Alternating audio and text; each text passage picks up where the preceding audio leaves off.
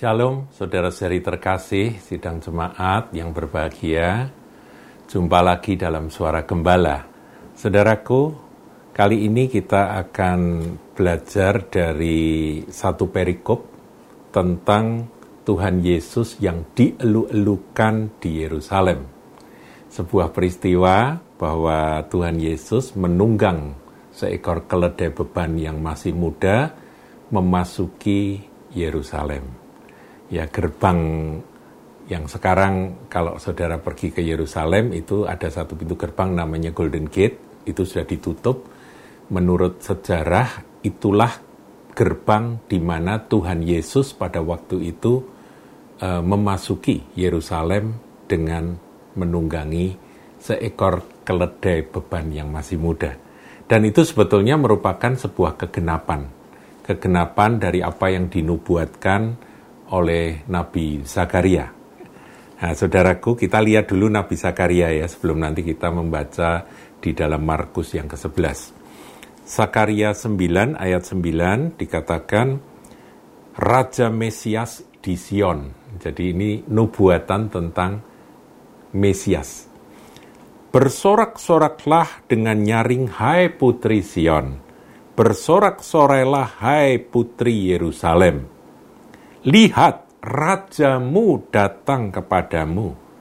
Ia adil dan jaya, ia lemah lembut dan mengendarai seekor keledai, seekor keledai beban yang muda.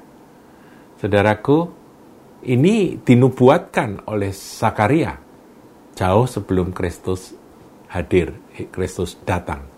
Nah, kegenapannya kita lihat di dalam Injil Markus pasal yang ke-11 mulai ayat yang ke-6. Lalu mereka menjawab seperti yang sudah dikatakan Yesus, maka orang-orang itu membiarkan mereka.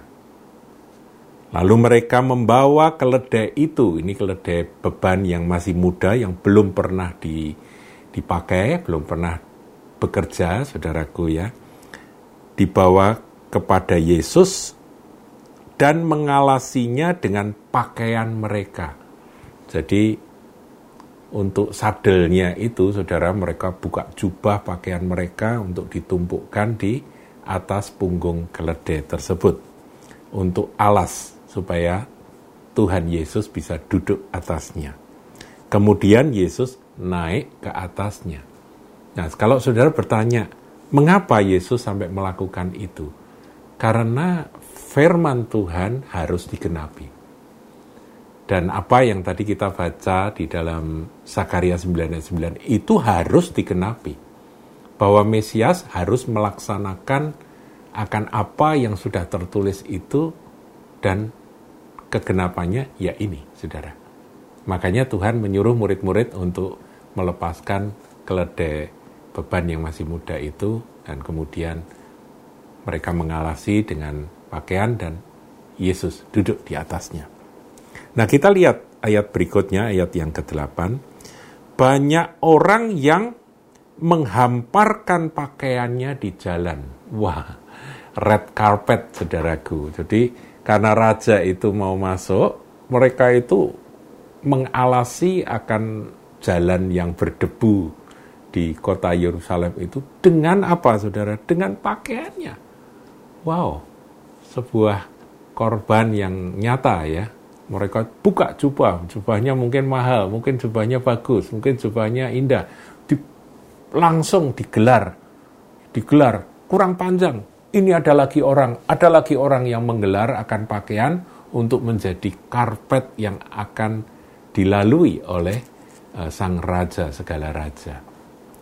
Karena mereka pada waktu itu meyakini bahwa inilah Mesias, yang adalah raja kami yang dijanjikan akan datang dan sekarang benar-benar sudah datang.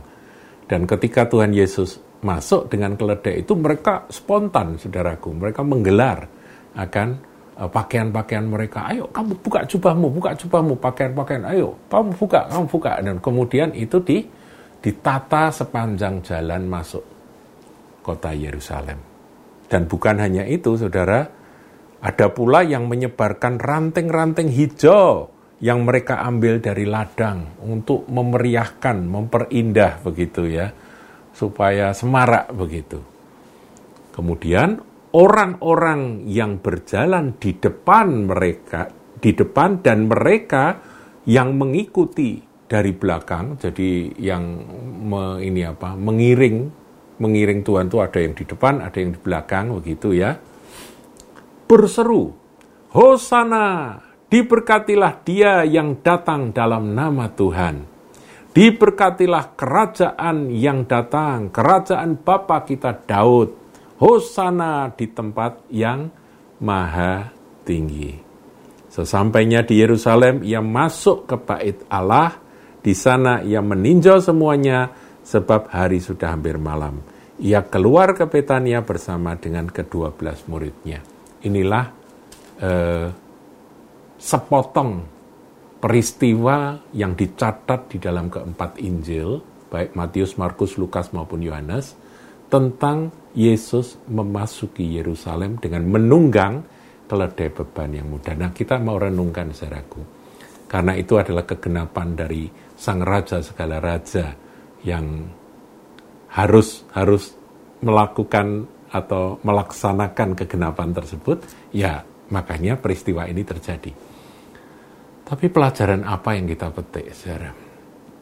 Saya kok merenungkan tentang keledainya, saudara.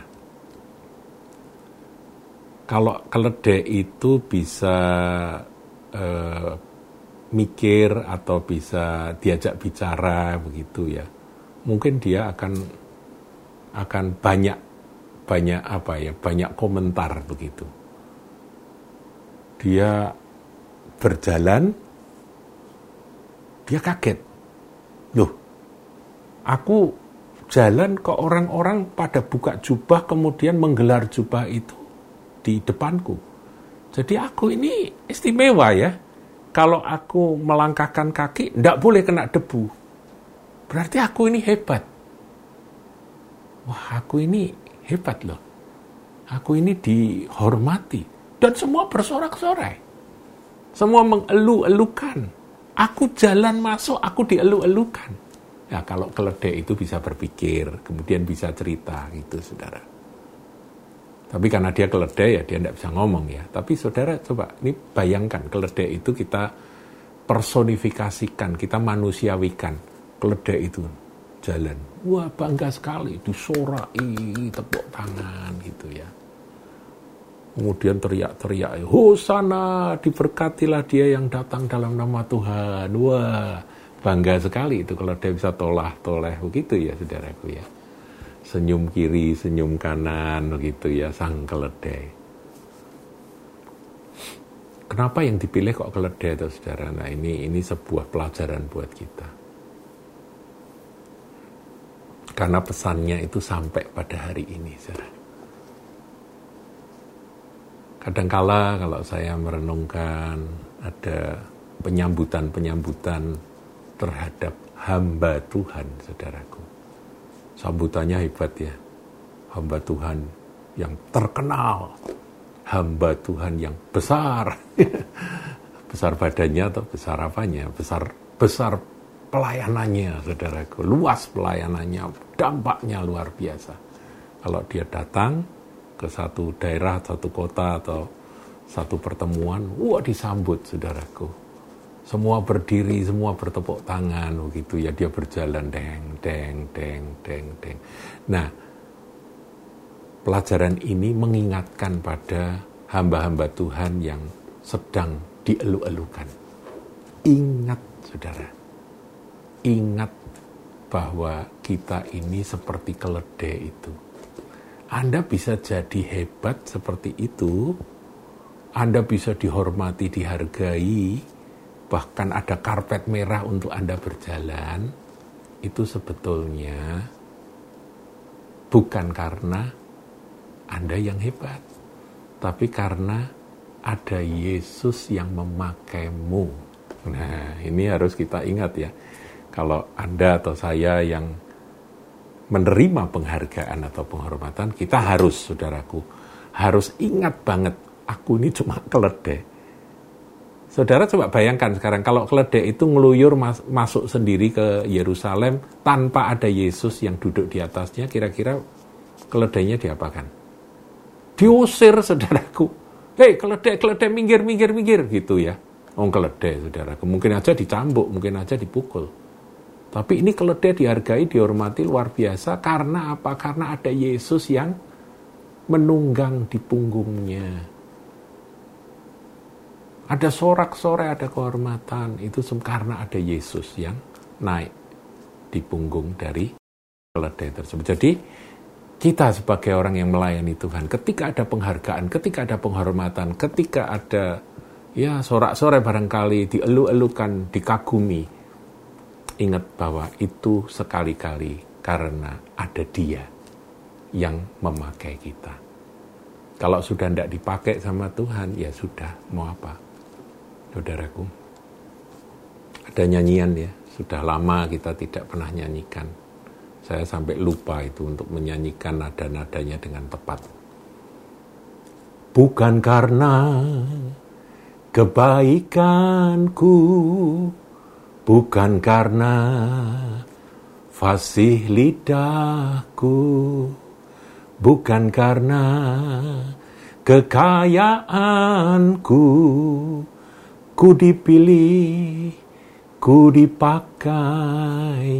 Bukan karena kecakapanku, bukan karena tampan wajahku. Atau cantik ya. Bukan karena kelebihanku, ku dipanggil, ku dipakainya Kemudian refrainnya semua karena anugerahnya. Nah sekarang kita dengan pengertian seperti renungan yang sedang kita renungkan hari ini apa saudara? Semua karena ada dia ya. Kalau nggak ada dia, udah aku ini bukan apa-apa, bukan siapa-siapa. Dan sebetulnya yang dihormati itu siapa tuh saudara? Yang dihormati keledai atau Tuhan Yesus? Ayo mikir. Hati-hati ya saudaraku, yang dihormati adalah dia dan memang di, hanya dia yang layak terima segala hormat, pujian, dan kemuliaan. Biar kita boleh tetap menjadi hamba yang melayani dan mengasihi Tuhan kita, majikan kita, Yesus Kristus Tuhan Juru Selamat kita. Tuhan Yesus berkati.